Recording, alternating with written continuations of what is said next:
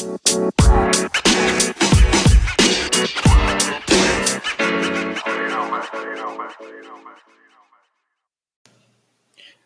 guys, um, welcome to Sekedar Komentar podcast with me Rama. It's I'm a tryhard with the R now, but yeah, um, thank you for, thank you very much. Thank you for everyone who's been listening the first and the second episode. I didn't imagine that, uh, not too many, but like that many people actually listen to it and thanks for you guys who already uh, share it in your social media as well. I really appreciate it, and hopefully you guys enjoyed the episode and come back again to enjoy another episode. I mean, if you're here in the third episode, maybe if you just here for the first time, but like if you're here from the first and second, and then now you're listening to the third episode, and you haven't shared with your friends yet, you obviously like this podcast a little bit. So maybe share it so a lot more people can listen to it and probably could start something from there. Anyway, um, we're back to the original format this time. Um, it's only me, and for the first segment, I thought I would do the RUU Permusikan.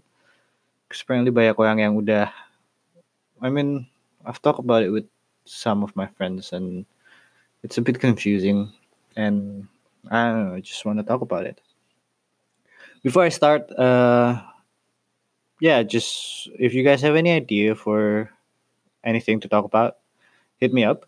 Uh, I would love to, you know, actually con- converse. Converse is not a word. To have a conversation with you, one of you, and just like talk about social stuff and just basically comment at something aja. Kayak this is what the podcast is for, which is like to comment at stuff without any, you know, uh, insecurities about your your beliefs or whatever. It's it's a place to share. So yeah, um, RUU Permusikan. So apparently, uh, I'm looking at the a poster made by CNN Indonesia here, and if if you want to see it, I'll probably share it in my Instagram, or you can just Google it, and I'm sure di cnnindonesia.com akan muncul. Cuman uh, apparently diajukan oleh Kami Musik, so it's a committee that's been around since 2017 apparently and it's it's it's becoming a priority for DPR draftnya udah jadi tapi ada beberapa pasal yang digaris bawahi oleh beberapa musisi termasuk um, Kolil dari Dali sih I'm Cadel so sorry about that dari IRK sama uh, oh, that guy from SID I forgot his name and apparently he he got into an, uh, a Twitter debate with Anang, who is apparently part of the one who proposed this RUU, which is funny, but I don't know. Ada enam pasal yang dipermasalahkan di sana. Pasal 5, pasal 18, 19, 32, 42, sama 50. Hmm, I'll start with the with what I think is meh which is pasal 19. Uh, intinya promotor musik atau penyelenggara acara musik yang menyelenggarakan pertunjukan musik yang menampilkan pelaku musik dari luar negeri wajib mengikut sertakan pelaku musik Indonesia sebagai pendamping. Terus di bawahnya ada tulisan terlalu memaksa belum tentu musisi luar negeri mau berdampingan dengan musisi lokal. Yeah, right. But for me, I don't I don't see this pasal as a problem. Like, uh, I see uh, the positive, you know, intent behind it, and could be good. Maybe if if kayak kalau misalnya say John Mayer gitu dibilang lo harus bawa musisi lokal. Terus kayak dia ogah. I think that's unlikely to happen you know? Like they would support it anyway. They would support local music anyway. Like they they wouldn't be an artist I feel that maybe Justin Bieber. Nah he's not that arrogant but yeah they, they, I don't see any artists actually denying to play with a local artist. But yeah anyway. Uh, pasal yang paling pasal lainnya pasal 18 pertunjukan musik melibatkan promotor musik promotor musik dan atau penyelenggara acara musik yang memiliki lisensi dan izin usaha. Pertunjukan musik sesuai de dengan ketentuan peraturan undang-undang. So kalau lu pengen bikin festival musik lu harus punya izin. I don't think it's a problem for any musicians. Um, it might make the apa ya pertunjukan jadi lebih sedikit.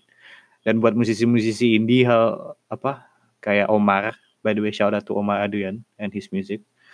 Google him up. He's a good he's a good musician. Um akan akan struggle a bit because in independently organized music event will be uh will be limited I guess or even will be non-existent anymore. And that goes with I mean for orang kayak Anang ya udah ya kayak he never went indie and he he didn't know the struggle of actually trying from the scratch di dunia pemusikan tahun 2019 which is kayak semuanya mulai dari indie at, apa basically unless lo band Melayu so I can see this as a problem and I can see this as a problem from anak-anak pensi juga. Kayak kalau mereka harus punya lisensi kesel juga sih. Cuman kayak well, I mean if you just want to organize it and you, you you can be fair then I think it's it's fine. It actually helps to sort of like organize the tax organize the the perizinan and stuff like that. So this could work, but I have little suspicion karena takutnya terus lisensinya dipegang sama orang-orang Ismaya atau orang-orang yang apa Live Live Nation or something. Can't remember the promoter name. Cuman kayak ya ujungnya jadi monopoli terus kayak ada Hengki Pengki di belakangnya which is selalu apa ya kecurigaan yang muncul terhadap DPR. So that could be a problem. But I don't know. Uh, I mean, if we trust DPR, then I think it's fine. Uh, pasal 32 untuk diakui sebagai profesi pelaku musik berasal dari jalur pendidikan. Yang yang berasal dari jalur pendidikan atau autodidak harus mengikuti uji kompetensi. That's the part where I feel like you guys are just trying so hard to make something really insignificant. Karena kayak it's music dude. Like literally a guy who bounce one steel to another can create a music and you cannot standardize music I feel. Kayak baru beberapa beberapa minggu yang lalu gue nontonin uh, Instagram storynya Dylan Amelio aka Logic Loss shout out to Dylan if you're listening. Uh, and they were doing like sound bombs around Jogja which is very cool. But like literally they were just playing noise for people who just sort of like not who just have this very narrow-minded conception of what music is and what art is.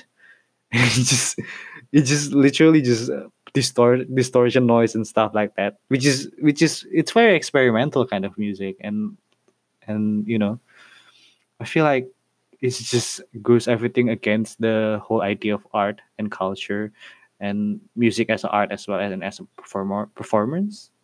So evidently this if anything this these people who makes this RUU I think don't know anything about music and culture and they're just like mungkin di kepala mereka musik itu cuma ada vokalis, gitaris, basis sama drummer doang and keyboardist maybe. Dan sebenarnya mungkin kalau gue nggak melihat ada intensi buruk di balik RUU pemusikan ini, cuman kayak ya orang yang yang handle nggak capable aja gitu dan masih terlalu dini menurut gue buat RUU ini diajukan ke DPR. Anyway, moving on to next point, from the biggest point I guess.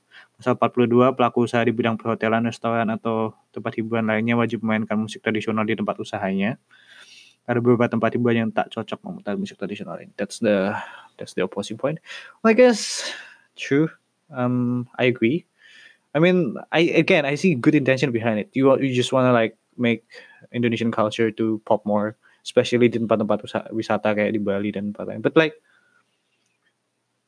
it feels like it's forced. You know, like it's if it's kalau misalnya ini sebuah saran bukan perintah, that would be a great thing to do. You know, instead of making it kewajiban, just like encourage them, uh, give them like you know positive uh, reinforcement or something like that give them the music, even sending them free CDs and stuff would work better than actually making this like bagian dari undang-undang gitu. Karena I don't know, it seems like something an authoritarian government would do, you know, like mewajibkan warganya memainkan musik tradisional dan hanya musik Indonesia, like it seems like what Putin would do, you know, which is scary, I guess.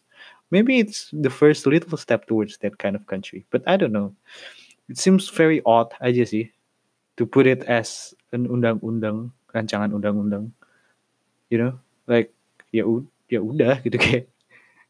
Is toh dengan tanpa ada undang-undang ini di Bali juga musik tradisional di mana-mana gitu. Cuman kan emang kemudian lo nggak bisa uh, aduh gue nggak tahu nama nama oh Pothead. Oke okay, that's the only one place I know.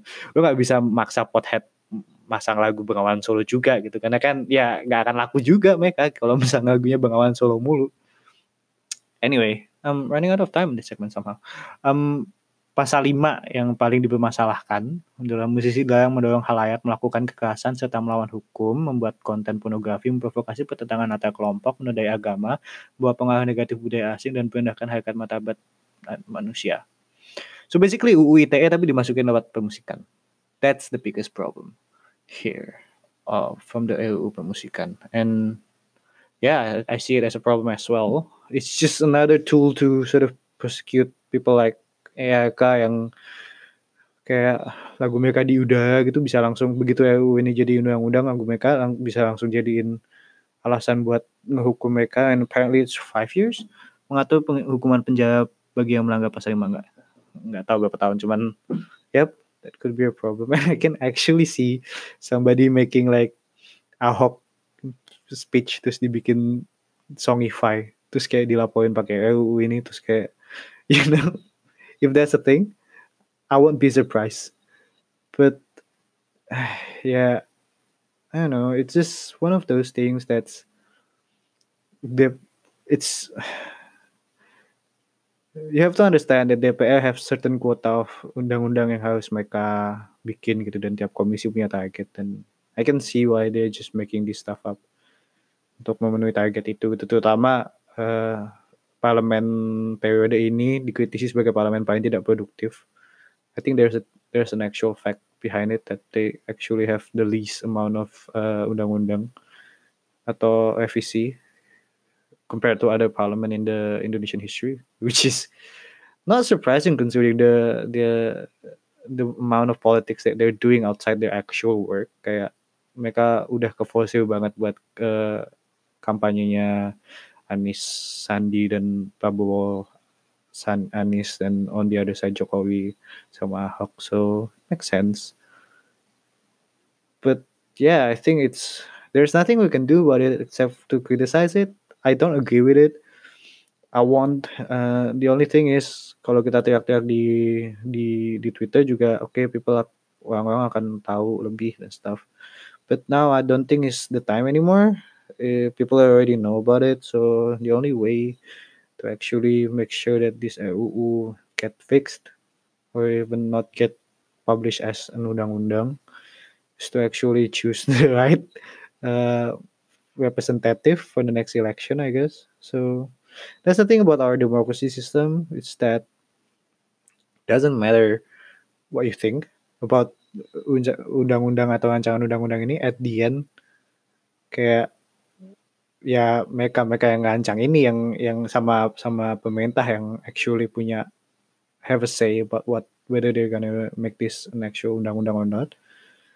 And what you can do is just choose the people who are responsible for it, which is in this coming election. And yeah, I think it's important for you to know the position and the visi misi dari setiap uh, representatif atau caleg yang ada di dapil kalian so that when it comes to these kind of things you're you're confident enough to say that they will fight for what you believe which is very idealistic and utopias di Indonesia.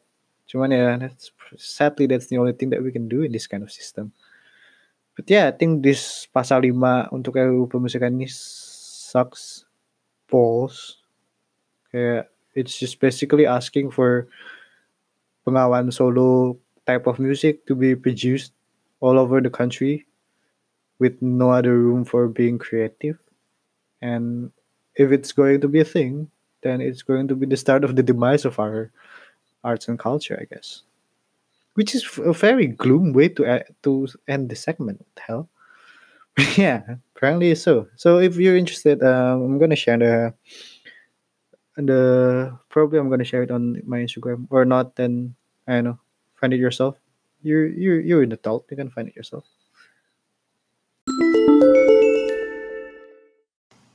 So welcome back. Um, in the second segment, um, I was thinking of doing the, a bit on PSI, Partai Solidaritas Indonesia, and apparently represent our generation of millennials and youngsters, and whoever believes in the left progressive movement. so um, there's two points that I want to talk about them. One is the spanduk, yang apparently ada ada yang masang spanduk di beberapa wilayah di Jakarta ngomongin PSI uh, basically slogannya lindungi hak hak LGBT. So just LGBT, not Q. so that's the level of the ignorance of whoever make this spanduk.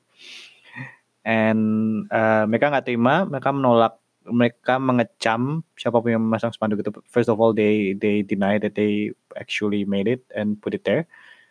Terus mereka apparently ngelaporin ini ke akan melaporkan ini ke Bawaslu dan udah ngelaporin ini ke polisi. Uh, atas satu dugaan pencemaran nama baik, penyebaran berita bohong yang berkaitan dengan spanduk kabel yang mengatasnamakan PSI. Itu pernyataan Ketua Dewan Pimpinan Pusat PSI Sumadi di tempo.co. And yeah, he goes on saying that kenapa abal-abal karena tulisan nama ketua umumnya salah and stuff like that. And so they basically they they they step away from that. They sort of like deny their involvement and actually don't actually don't don't really um talk about the LGBT part which is for me is weird. Apalagi as and this is uh I'm, I'm reading like an actual paragraph from Tempo. Sumadi menuding pihak yang memasang spanduk abal-abal itu adalah pihak yang takut dengan sepak terjang PSI. So they're a big deal now. Yang elektabilitasnya semakin yang quote yang elektabilitasnya semakin meningkat dan hampir masuk Senayan. Ini bagian ketakutan mereka yang selama ini tergolong koruptor dan pro intoleransi. End quote. I mean, they've been doing well. I will not take any credits from them and I applaud their bravery and their their attempts to be relevant in this political climate and to to fight for intolerance. But that being said, uh, there's a political agenda behind it, and I mean, yeah, of course, there's always political agenda behind everything but that's that's where I'm gonna I'm gonna end it. That's where I'm gonna say that we shouldn't buy into all of their um, whatever they're selling, selling because you know they're they're it's not about the cause most of the time. Okay, if they're into intolerance, if they're really pro intolerance, then they would, for me, they would, you know, support the LGBT community and and say that that banner is fake we didn't put it there. But you know what? I support it. Because the LGBTQ has been in has been very uh, discriminated on. Is that word? Mereka udah udah ngalamin diskriminasi, ngalamin pen, penindasan, and to some extent abuse, bullying, which is I can't imagine the level of uh, abuse that they're going through day to day. Not to mention rejection from their family and LGBTQ di Indonesia susah lah jadi mereka. And if PSI if there's any party that can represent them is PSI and apparently they're they're standing away because they're afraid it's gonna give, uh, cost them in the election which is politically it's understandable but you cannot you cannot campaign and say that you're pro intolerance uh, you're you're against intolerance sorry and then not address this. And I know it's it's uh lo lo being too idealistic lah, lo being too utopis. Ini kan Indonesia kayak LGBTQ bisa apa sih di Indonesia kayak orang-orang yang actually pro mereka aja nggak banyak gitu. Yeah, I get that. But then you cannot claim that you're against intolerance because of that. I think I feel like it's very hypocritical, and I hate hypocrites you know if you're fighting for a cause and that's what that's what i feel like that they're doing. They're fighting for a cause. They're fighting for whatever is right right? They're fighting for whatever is fair. So it's weird that they just ignore this lgbtq issue altogether. I know if it's for the better if it's for the longer game that they're gonna go to the to the parliament and then they're just gonna start trying to make lgbtq thing to put attention to it, then fair fair play. I applaud them and move on. Go go go on.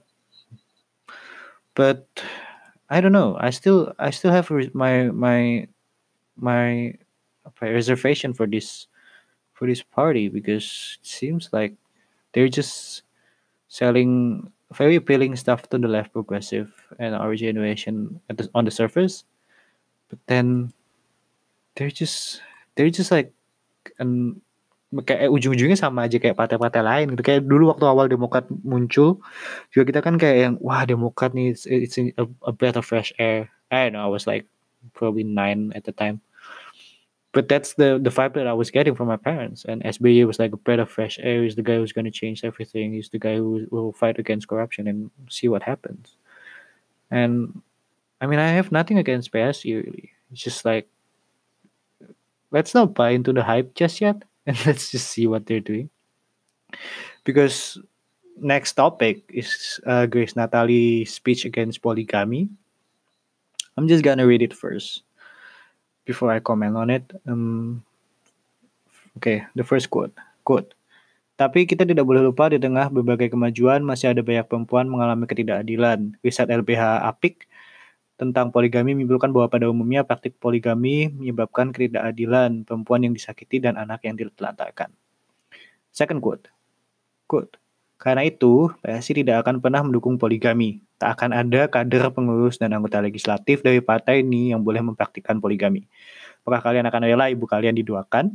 Apakah bu and sis, bu and sis, yeah, that's a fair thing.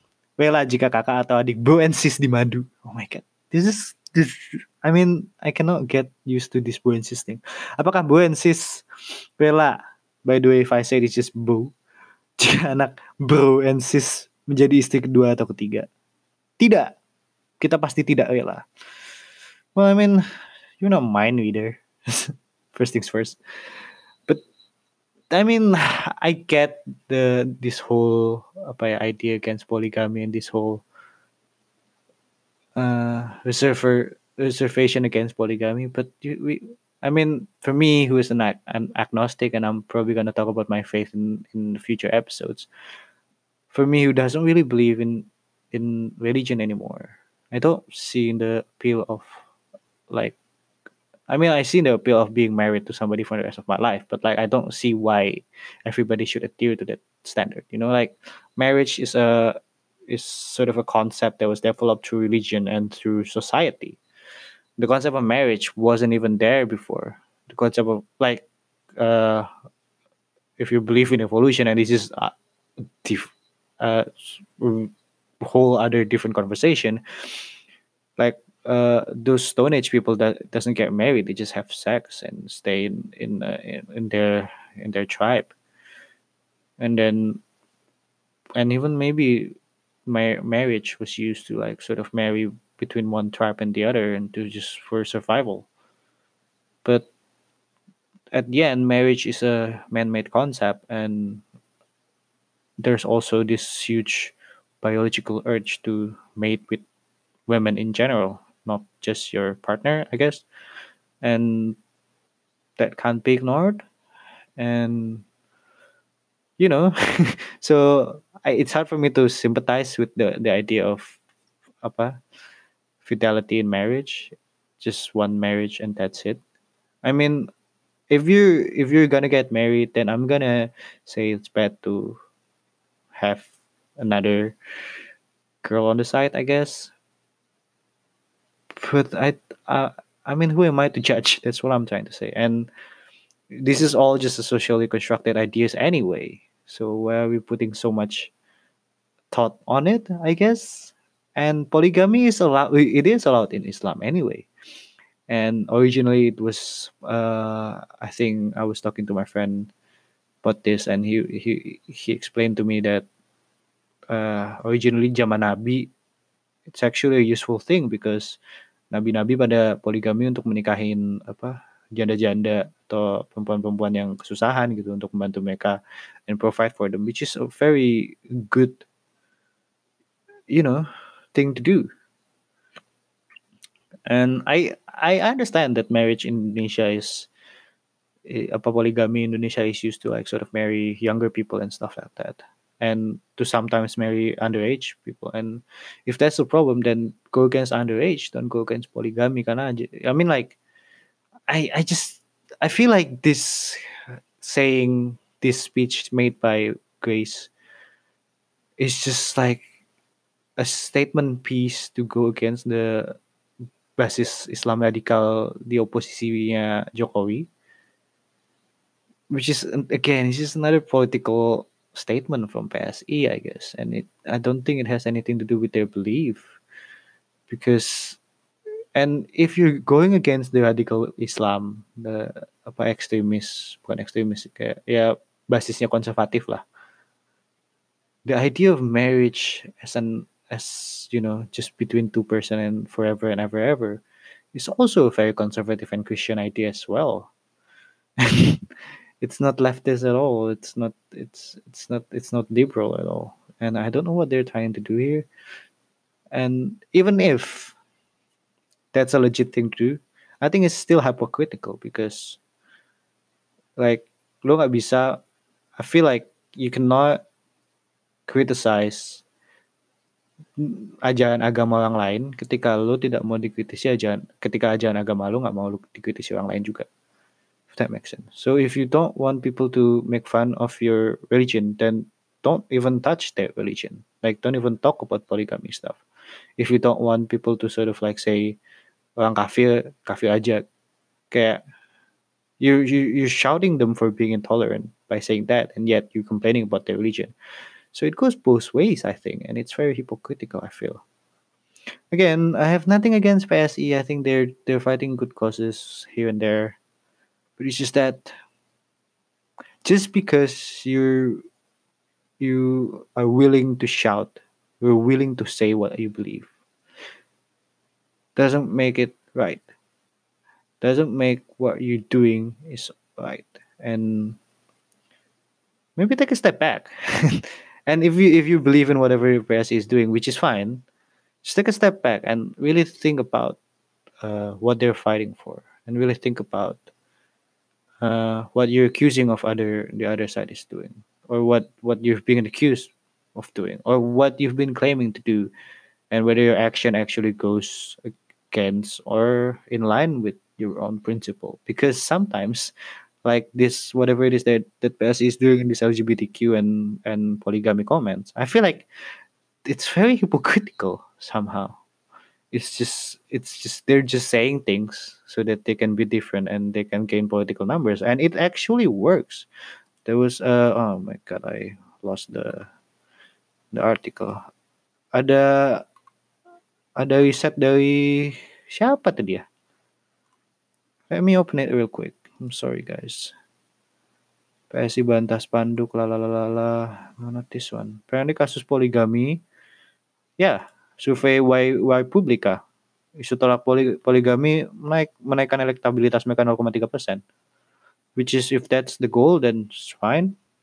But then, then we shouldn't see them as you know, uh, an activist or a fighter for our rights. We should see them as another political party which have just have different strategy. And that's the danger. Kayak kita nggak bisa ngelihat and with this election. Kita nggak bisa ngejudge setiap party as you know just what they say. Just like see them as a political party. Jangan lihat PSI as something that will fight for you but see them as a political party that would do political what political party would do which is play dirty uh, say things just to make you feel happy and then do in entirely different things. And just like you know forget about whatever it is that they promised once they got the vote. And yeah I'm, I, I'm just trying to be grounded. I'm just trying to make you you guys grounded as well so that let's be level-headed about all this. So yeah i don't know. What do you guys think do you actually believe or do you or do you not agree with me it's fine you can send whatever it is that you you feel like saying to me on my Instagram, uh, rmdtydrm, or you can you can email me at podcast at gmail.com.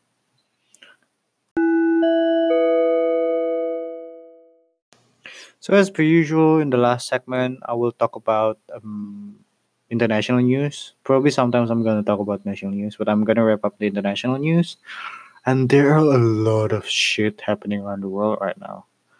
First things first, probably starting with the lighter one. Apparently, Liam Neeson got into trouble for saying that he wants to murder or he spent a whole week trying to find a black man because her his close friend was raped by a black man.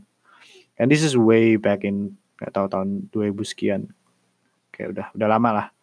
He made this interview with, uh, that was published by the Independent earlier this week on Monday, to be precise. And ever since, he got a lot of backlash. A lot of people are, you know, angry and calling him racist. Uh, I don't know what to think about this because if you if you actually see the context that he's saying, and by the way, he was doing apa namanya uh, a promotion for Revenge, his new film. Terus kayak interviewnya emang buat itu terus kayak he was probably asked about a moment of revenge that he wanted. So this is what he said. God forbid you ever had a member of your family hurt under criminal conditions. I'll tell you a story. This is true. Neeson said the alleged rape took place a long time ago and he found out about it when he came back from a trip abroad. The actor went on to use racially offensive language about the attacker. This is the BBC, by the way. He said, She handled the situation of the rape in the most extraordinary way. This quote. But my immediate reaction was, I asked, Did she know who it was? No. What color were they? She said it was black person. End quote. Another good. I went up and down areas with a cosh, hoping I'd be approached by somebody. I'm ashamed that to say that. He said that he's ashamed. And I did it for maybe a week, hoping some, and then he uses quotes with fingers. Black air quotes, sorry, black bastard would come out of a pub and have a go at me about something, you know, so that I could kill him. So it is it is indeed bad what he said. I mean, talking about African American in general or you know black colored people in general is is is walking on thin ice anyway. But I see where he's coming from, and if you see the context, he and he, he actually admitted he feels ashamed about it. So I don't see any big problems with this. Like kalau kalau bola ya udah pelanggaran aja kayak nggak pakai kartu kuning nggak pakai kartu merah. I don't think it's that serious. But people are overreacting to this, I feel. And this is what happened with social justice warriors, I, I guess, SGWs, around the social media that they jumped into conclusion real fast. They jumped into the heat of the moment real fast without knowing the context, without knowing the the the story behind it. And they just sort of like, yeah, fuck you for being racist. Which is like, dude, do you even know the story? Like, people just got offended real quick lately. It just grinds my gear, and yeah, that's what caught my attention with the story. Anyway, to more important news. Um, this is um I don't know whether you've heard it or not, but I just found it funny. Donald Tusk, the he is the man. I forgot. I I I'm my memory is shit. He is the president of the European Council. Yeah, thought so. Jadi dia presidennya Uni Eropa. He just he just made a speech and he he commented on Brexit, say that there is a special place in hell for Brexiters who campaign for Brexit without a plan. Which the balls in that guy, dude. Like there's there's also like this video that uh, I think the Prime Minister of Ireland or something, on the I don't know, President of Prime Minister. Yeah, actually after that speech, they they he he whispered to to Donald. He was like, "You're gonna get a lot of shit from the British media after this." Basically saying that, which is very funny, and it's just it's it's just one of those banters in politics that actually make you giggles and actually quite fucking funny, and it's it's a big deal. But he's telling the truth. You know, Brexit is a mess now, and it's just fun to see people do that actually do that because the political repercussion of that is just waves and waves of backlash from the media and from the, of course, from the Brexiters. He's just, yeah, I, I guess he's just tired of doing all of these useless negotiations. And uh, I'm just gonna mention it. Uh, Trump addressed the union, uh, addressed the the House, I think, this week as well. He talked about the wall, of course, but the the thing that caught my attention was him uh, claiming that, and it, it's a factual claim that there are more women in Congress now than ever in the American history, which somehow he take credit of. and Trevor Noah did a better job of making fun of this, but yeah. So and Nancy Pelosi was behind her, uh, behind Trump, and sort of applauding sarcastically sometimes behind him. So it's quite fun. If you want to know more about what he said in the in the address, then maybe look for Trevor Noah's piece on this. It's it's quite it's quite entertaining. But yeah, that happened in the U.S. and I think the government shutdown is it's it's not there anymore for a week now, so it's good. So it's it's slowly moving the American politics. Although the international part of it is very interesting because the next one and the last one is about Venezuela, who, by the way, has been in crisis since 2015 and maybe most of you don't know i mean i work in news and for throughout that year from 2015 to 2018 i didn't pay fucking much attention to it and apparently it's a mess now. It's a fucking mess. So so basically there i mean we know that there's crisis there. We know that people cannot eat people cannot uh, get medicine there and people are dying literally out of hunger there. And they're they're protesting every day. They're throwing bombs here and there molotovs here and there and people get killed every day. That's what we know but it's just uh, so fucking worse than just whatever it is that we assumed. Because 80% i think of the of their people cannot fucking eat. That's a lot. And it's been going on since 2015 it's almost four years dude. Like bayangin 4 tahun negara lu di krisis nggak bisa makan nggak bisa minum nggak bisa kalau lu sakit nggak bisa beli obat literally ke Indomaret kosong semua nggak ada apa-apa. There's nothing to buy. There's no money anywhere. So it's a fucking mess. And for this past four years Maduro just sort of like everything is fine. What are you guys apa what are you guys protesting about? These protesters are just opposition who just trying to pull me down. There's nothing going on. Venezuela Venezuelans are happy, and this is what he has been doing for these past four years. And somehow he won another election. Of course, it's not a legit election, but he won an election again, 2018. So he will be president for another five years or four years. I don't know. So what happened was originally apa? Jadi Hugo Chavez, which was elected in '98, I think, he built the country with so Venezuela have the the largest oil reserve in the world, in the fucking world, bigger than America, bigger than us, Indonesia, bigger than the the the, the Arabs. There was they were once the richest country in Latin America. Can you imagine that? Rich, richer than Brazil, richer than Argentina, and they have the largest oil fucking reserve in the world. What could go wrong? Well, Hugo Chavez came. Hugo Chavez came uh, and it was democratic democratically elected. Oh, that's the worst English I've ever done.